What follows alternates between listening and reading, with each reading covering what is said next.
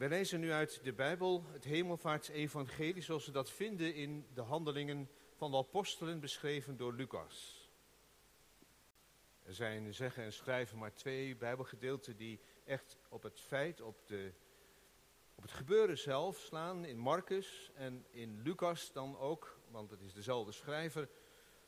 En als je dat erbij optent zijn het er drie, maar hier dan uit de handelingen van de apostelen. En dan lezen we vanaf vers 1. Het eerste boek heb ik gemaakt, O Theophilus, over alles wat Jezus begon, is begonnen te doen en te onderwijzen. Tot op de dag waarop hij opgenomen is, nadat hij door de Heilige Geest aan de apostelen die hij uitgezonden had, opdrachten had gegeven. Hij heeft zichzelf, nadat hij geleden had, ook levend aan hen vertoond. Met veel onmiskenbare bewijzen, veertig dagen lang, waarbij hij door hen gezien werd en over dingen sprak die het koninkrijk van God betreffen. En toen hij met hen samen was, beval hij hun dat zij niet uit Jeruzalem weg zouden gaan, maar de belofte van de Vader zouden verwachten, die u, zei hij, van mij gehoord hebt. Want Johannes doopte wel met water, maar u zult met de Heilige Geest gedoopt worden, niet lang na deze dagen. Zij dan die samengekomen waren, vroegen hem, Heere, zult u in deze tijd voor Israël het koninkrijk weer herstellen? En hij zei tegen hen, het komt u niet toe de tijden of gelegenheden te weten die de Vader in zijn eigen macht gesteld heeft. Maar u zult de kracht van de Heilige Geest ontvangen, die over u komen zal, en u zult mijn getuige zijn, zowel in Jeruzalem als in heel Judea en Samaria en tot aan het uiterste van de aarde. En nadat hij dit gezegd had, werd hij opgenomen terwijl zij het zagen, en een wolk onttrok hem aan hun ogen. En toen zij, terwijl hij van hen wegging, hun ogen naar de hemel gericht hielden, zie, twee mannen stonden bij hen, in witte kleding, die ook zeiden, Galileese mannen, waarom staat u omhoog te kijken naar de hemel? Deze Jezus, die van u opgenomen is naar de hemel, zal op dezelfde wijze terugkomen als u hem naar de hemel hebt zien gaan. Toen keerden zij terug naar Jeruzalem van de berg die de Olijfberg genoemd wordt, die vlak bij Jeruzalem is en daar een sabbatsreis vandaan ligt. Tot zover de lezing uit de Bijbel. Dit is het woord van God, zalig die het woord van God hoort, gelooft en daaruit leeft. Ook op deze hemelvaartsdag, dat geweldige van wat Jezus voor ons heeft gedaan, ook beleid als de basis van ons geloof. Willen samen stilstaan bij dit Bijbelgedeelte, in bijzonder dus de woorden vanaf vers 9 tot en met vers 11. En dan stilstaan bij het feit van de hemelvaart, het profijt en de opvolging. Het feit, het profijt en de opvolging van de hemelvaart onder het thema hemelvaart, de opmaat naar de finale. Hemelvaart is de opmaat naar de finale. Gemeente van ons Heer Jezus Christus. De zoon van de timmerman is in de wolken opgestegen. Tegen de wet van de zwaartekracht in. Nou, dat vind ik heel lastig. En uh, nou, velen van jullie misschien ook. Want dat gaat toch helemaal in tegen onze ratio, onze kennis van de natuur. Dit kan toch niet zo waar zijn? Is dat niet beeldspraak? Is dat niet iets wat bij wijze van spreken is gebeurd? Maar niet zomaar letterlijk echt. Nou, voordat je nou een conclusie trekt, even dit. In de eerste plaats staat Lucas, die dit vertelt, in een Joodse traditie. En die Joodse traditie was eigenlijk heel normaal. Dat ook kon gebeuren dat mensen opgenomen werden in de hemel. Denk maar bijvoorbeeld aan Enoch. Denk aan Elia. Dat zijn ook verhalen van Baruch. Tweede is dat Lucas als arts en als, als historicus niet zomaar wat opschrijft, maar de dingen heeft onderzocht. Zijn evangelie is waarschijnlijk tegen het eind van de eerste eeuw opgeschreven. Maar hij heeft het nauwkeurig onderzocht en de verhalen van ooggetuigen gehoord. Ooggetuigen, mensen die erbij geweest zijn, de elf discipelen. Zo staat het ook hier in de tekst. En nadat hij dit gezegd had, werd hij opgenomen terwijl zij het zagen.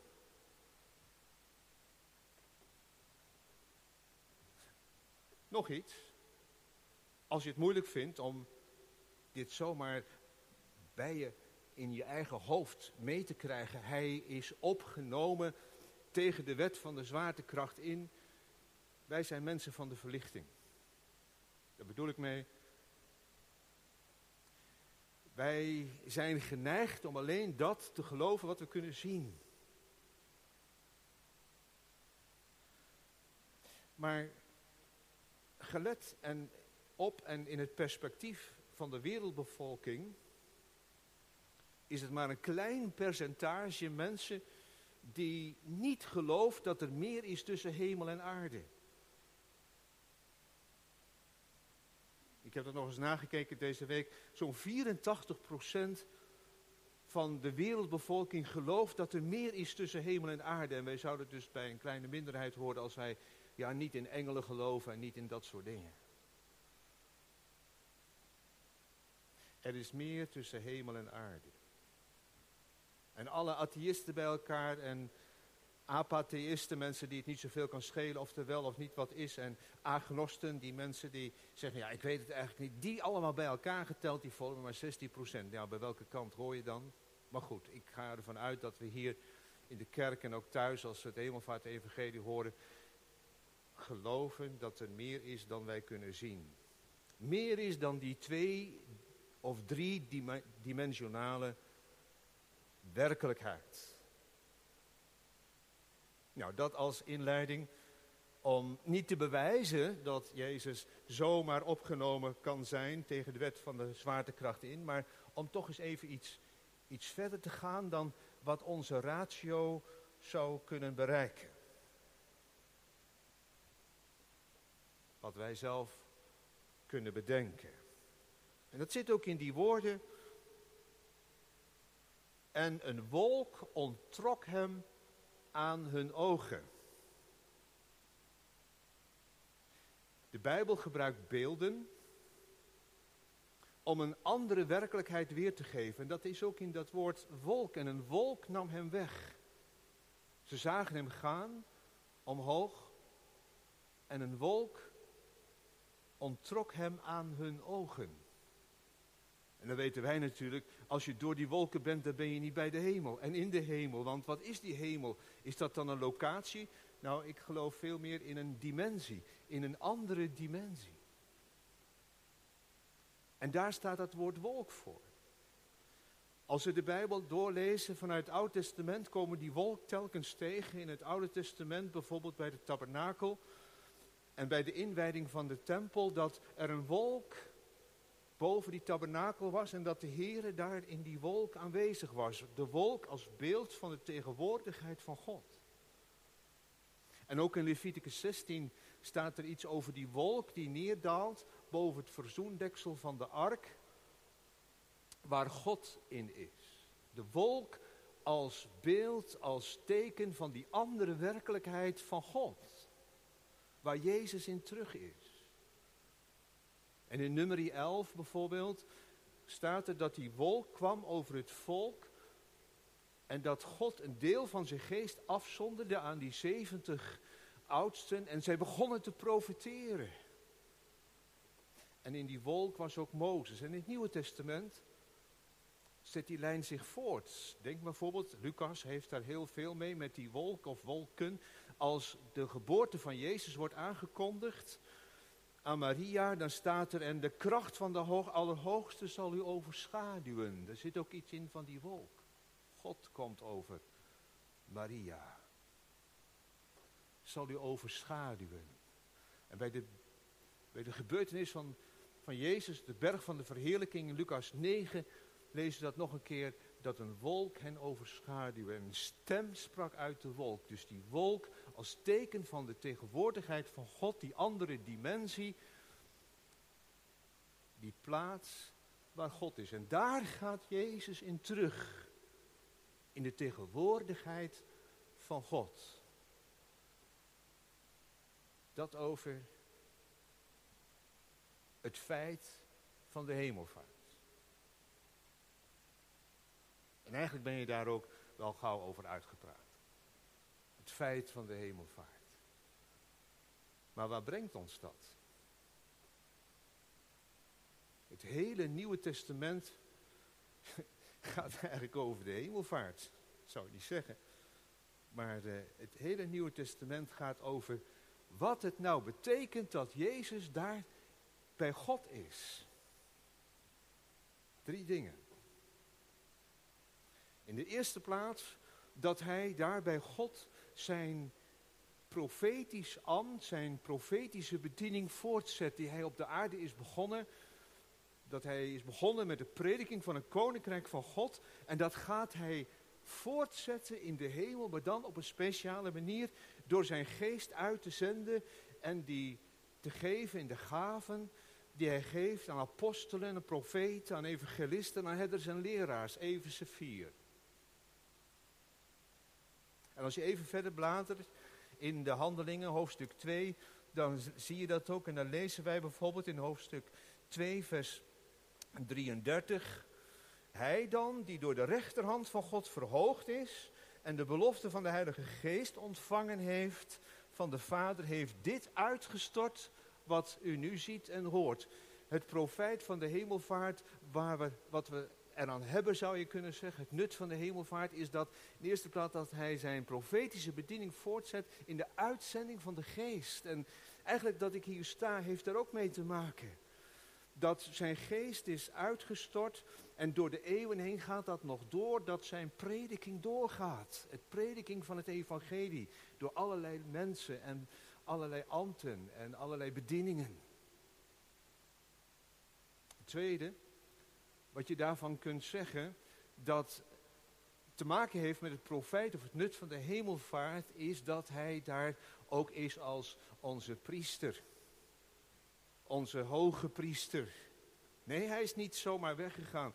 Ja, even voor de kinderen. Hè, dat, uh, ik vind het leuk dat jullie er zijn.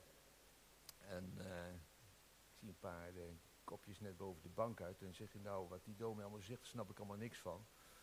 En dat uh, begrijp ik ook wel, dat het een beetje lastig is. Want er was een jongetje die zei van... Uh, hemelvaart, een feest is toch helemaal niet een feest? Want hoe kun je nou feest vieren als iemand weggaat? Ik heb veel liever dat de Heer Jezus dichtbij me is. Toch? Nou, dan zeg ik tegen jullie...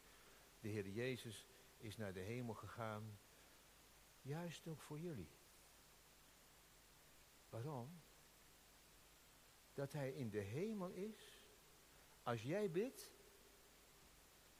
als jij bidt, vanavond ook, op je knietjes voor, voor je bed, of een ander moment, als jij bidt, dan bidt de Heer Jezus ook tegelijk met jou in de hemel en dan zegt hij, Vader, Jos, of hoe je ook heet, of ja, al die mooie meisjesnamen en, en jongensnamen, hè, prachtige namen hebben jullie, maar dan zegt hij, dan weet hij jouw naam en dan zegt hij, dit jongetje dat bidt daar.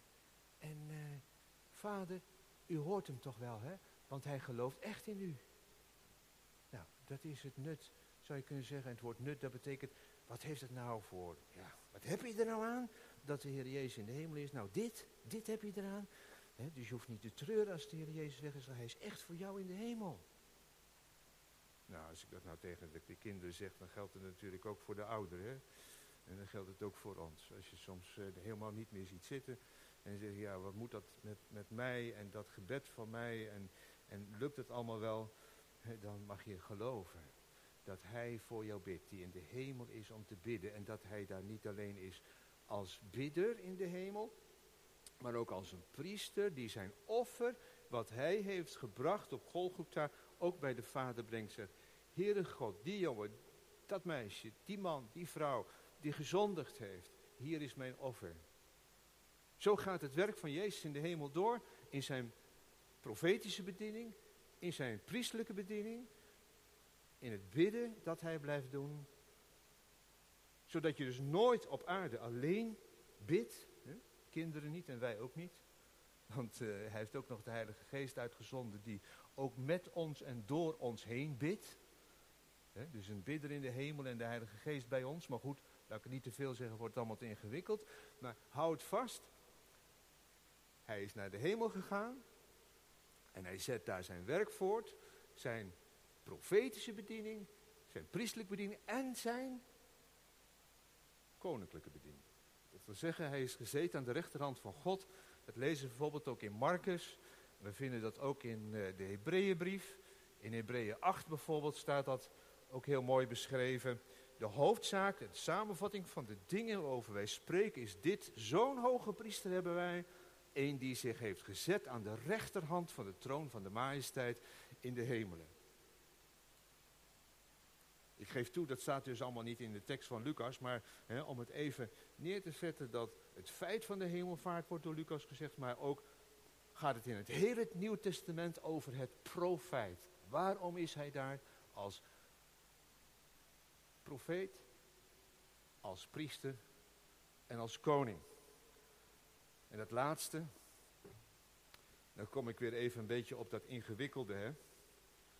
Dat ingewikkelde van de hemelvaart. Ja, daar zien we maar het minste van, denk ik. Hè? Dat hij daar koning is. Ik wou dat ik daar eens wat meer van kon zien. Eerlijk hoor. Ik vind dat heel ingewikkeld. Hij is koning. Ik ben gisteravond echt heel erg van streek geweest toen ik uh, dat, weer die beelden zag van Israël en uh, Palestijnen. Hoe lang duurt dat nou nog, vraag je dan, dat u komt, Heer Jezus, en dat het nou voorbij is. Dat geweld, al dat andere geweld. Dat mensen die samen hebben geleefd in de straat en als Palestijnen en als, als, als, als mensen uit Israël, dat die dan nu met elkaar op de vuist gaan. Kan toch niet? Waar bent u dan, koning Jezus? Het grijpt mij echt aan. Maar tegelijk, ja, dat mogen we ook vanmorgen tegen elkaar zeggen. Dit is niet het laatste. Wat we nodig hebben is een upgrading van de hemelvaartsdag. Nou ja, dag, halve dag. Nou, heb plezier vandaag hè, met andere dingen en zo. Maar ik bedoel het een beetje breder.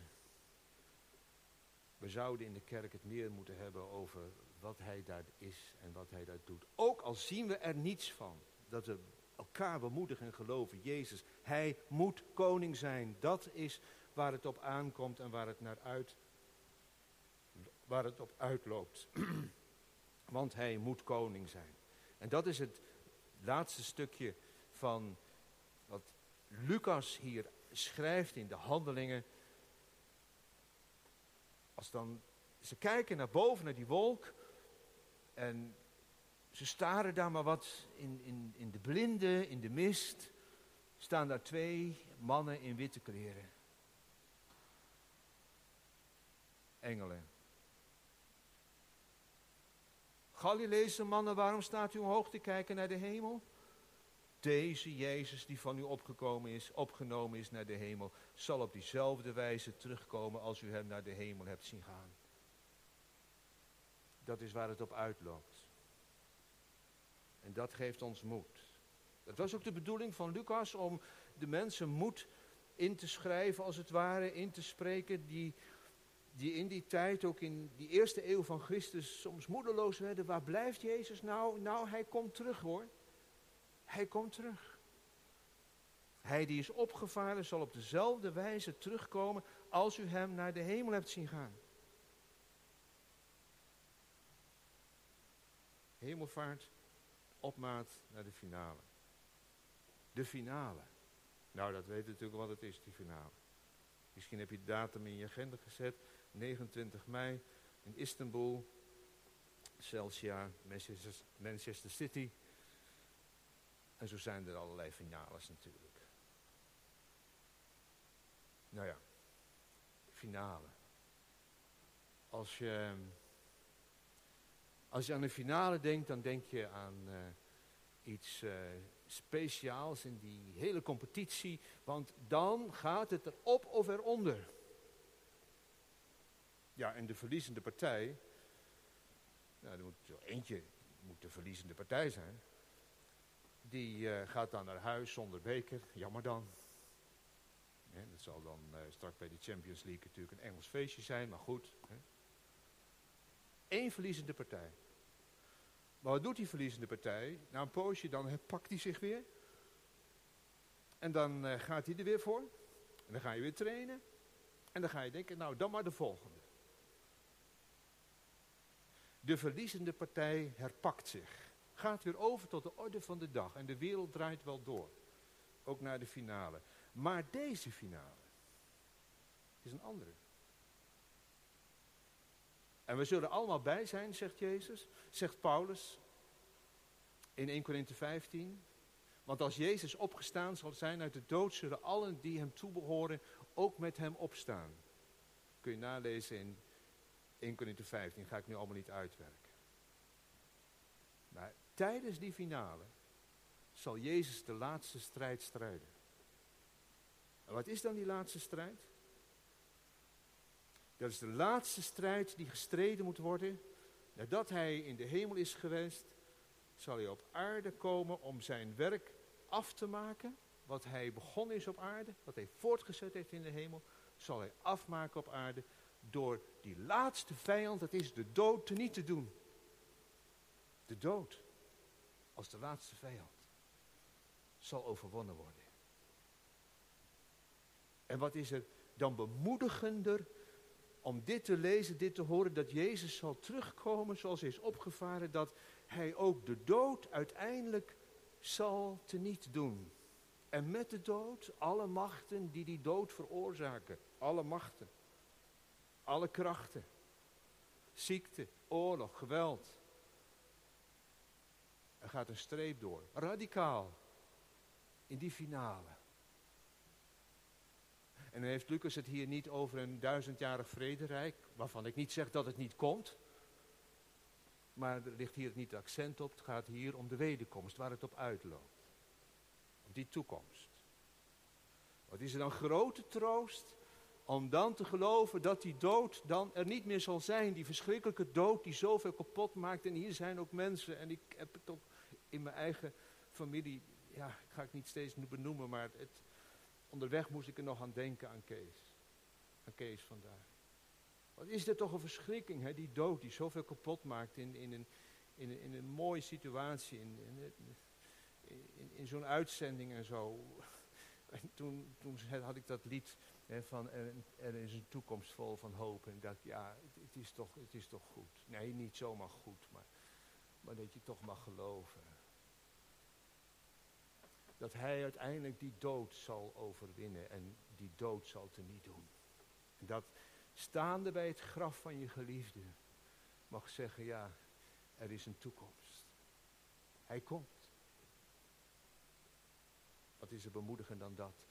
Wat is er bemoedigender dan ook dat te weten, dat die schepping die wij zo'n beetje naar de vernieling hebben geholpen door al die dingen die wij kapot hebben gemaakt, dat hij die zal vervolmaken? Want dat zal hij ook doen in die finale. Die schepping zal weer een hele nieuwe glans krijgen. En alle milieuactivisten zouden dat ook nog eens even wat extra mogen horen.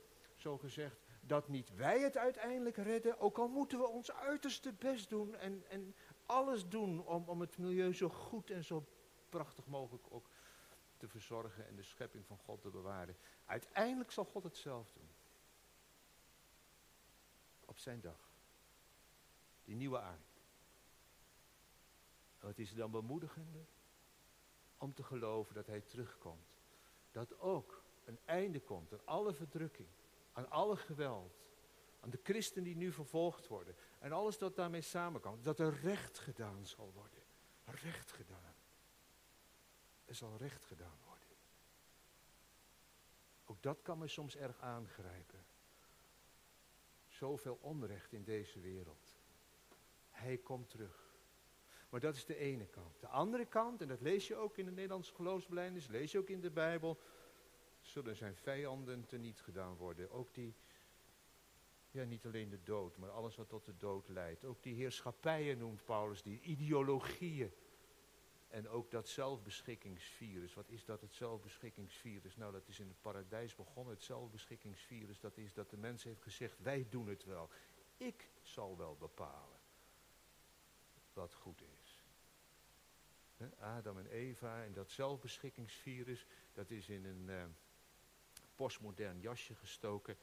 En dat, uh, dat hoor je dan zeggen van, uh, hoezo moet een dokter beslissen over mij of een andere instantie als ik een eind aan mijn zwangerschap wil maken. Uiteindelijk heeft dat geleid en leidt dat tot meer doden dan al die coronadoden zoveel kindjes in de moederschoot. Heb ik het niet over de pastorale nood die er bij vrouwen kan zijn als het daarover gaat. Maar even over die tendens, dat zelfbeschikkingsvirus. Wij bepalen het wel. En hoezo moet een arts of een of andere instantie zich met mij bemoeien als ik denk dat ik klaar ben met het leven? Dat bepaal ik toch zelf. Zelfbeschikkingsvirus, nou dat. Daar zal hij uiteindelijk een einde aan maken. Dat, nee, ik voel wel, dit is natuurlijk uh, niet van deze tijd wat ik nu zeg. En uh, het is ook niet, uh, pas misschien ook niet in het denken van inclusiviteit. En iedereen moet erbij horen. En hou het er maar in, het respect voor andersdenkenden. Hou het er maar in, het respect voor andersgelovigen. Maar dan wel met dit gebed. Dat eens alle knie zich zal buigen. En alle tong zal beleiden dat Jezus Christus de Heer is. Want hij moet koning zijn. Nou, wederkomst. Aan de ene kant dus, bemoedigend, maar ook een appel om af te rekenen met alles wat niet bij hem hoort. Een wake-up call om op te staan. Staat die wederkomst ook op jouw bucketlijstje? bedoel ik daarmee? Je hoeft het nieuws maar open te zetten en dan zie je, ja, vakanties. Welk land gaan we naartoe? Wordt het Nederland? Je hebt al geboekt misschien, maar je moet zeker weten, als je naar buitenland gaat, ben je verzekerd? Is het land groen? Is het geel of wordt het toch weer oranje? En dat mag allemaal. Ik doe het zelf ook. Met andere woorden, ik zoek ook mijn vakantiebestemming uit. Maar die wederkomst. Staat die ook op ons bucketlijstje? Of zijn wij zo hyper geseculariseerd dat het niet meer in ons systeem past om aan de wederkomst van Jezus te denken? Het staat hier. We worden weer vanmorgen bij bepaald. Het is een bemoediging, maar ook een wake-up call. Om erbij stil te staan. Ook vandaag. Hij komt terug. En ben ik dan bereid? Ben jij bereid? Wat is dat bereid zijn? Nou, dat staat in Colossense 3. Dat ik weet dat mijn leven geborgen is in Jezus. Weet jij dat jouw leven geborgen is in Jezus? Weet je dat? Geloof je dat? Geloof je dat de Heer Jezus ook persoonlijk voor jou gestorven is? Geloof je dat? Of twijfel je daar nog zou je zomaar nog aan kunnen twijfelen. Nou, ik mag je zeggen vanmorgen, als je daar nog aan twijfelt, dan mag je tot God gaan zeggen, Heere God, kom ook in mijn hart. En uh, als je nog niet weet dat de Heer Jezus voor jou gestorven is, persoonlijk, dan uh, ga dan maar niet lekker slapen, maar wacht dan maar tot hij echt in je leven komt. Dat gaat hij doen hoor, als je daarom bidt. En dan weet je, als hij in je leven is, dan krijg je ook dat verlangen om naar hem uit te zien. En dan is je leven, en dat is Colossense 3, met Christus verborgen in God. Ik doe het maar even zo. Ik doe mijn duim in mijn hand. En dat ben ik dan maar even. Hè? En die duim, die doe ik mijn vingers omheen. En dan zegt de Bijbel, als je nou in de Heer Jezus gelooft, dan is de Heer Jezus om jou heen. En dan is er nog iets, dan legt God zijn hand eraan. Dan is mijn leven met Christus verborgen in God. Nou, en dan is er hoop en verwachting en uitzicht en verlangen om Hem te ontmoeten, naar Hem toe te komen en hier in deze wereld een licht te zijn, een zout te zijn en vanuit die toekomst iets uit te stralen van Jezus. Zijn liefde, zijn geduld, zijn vriendelijkheid, zijn zachtmoedigheid, zijn zelfbeheersing. Daar ben je nu al helemaal voor in.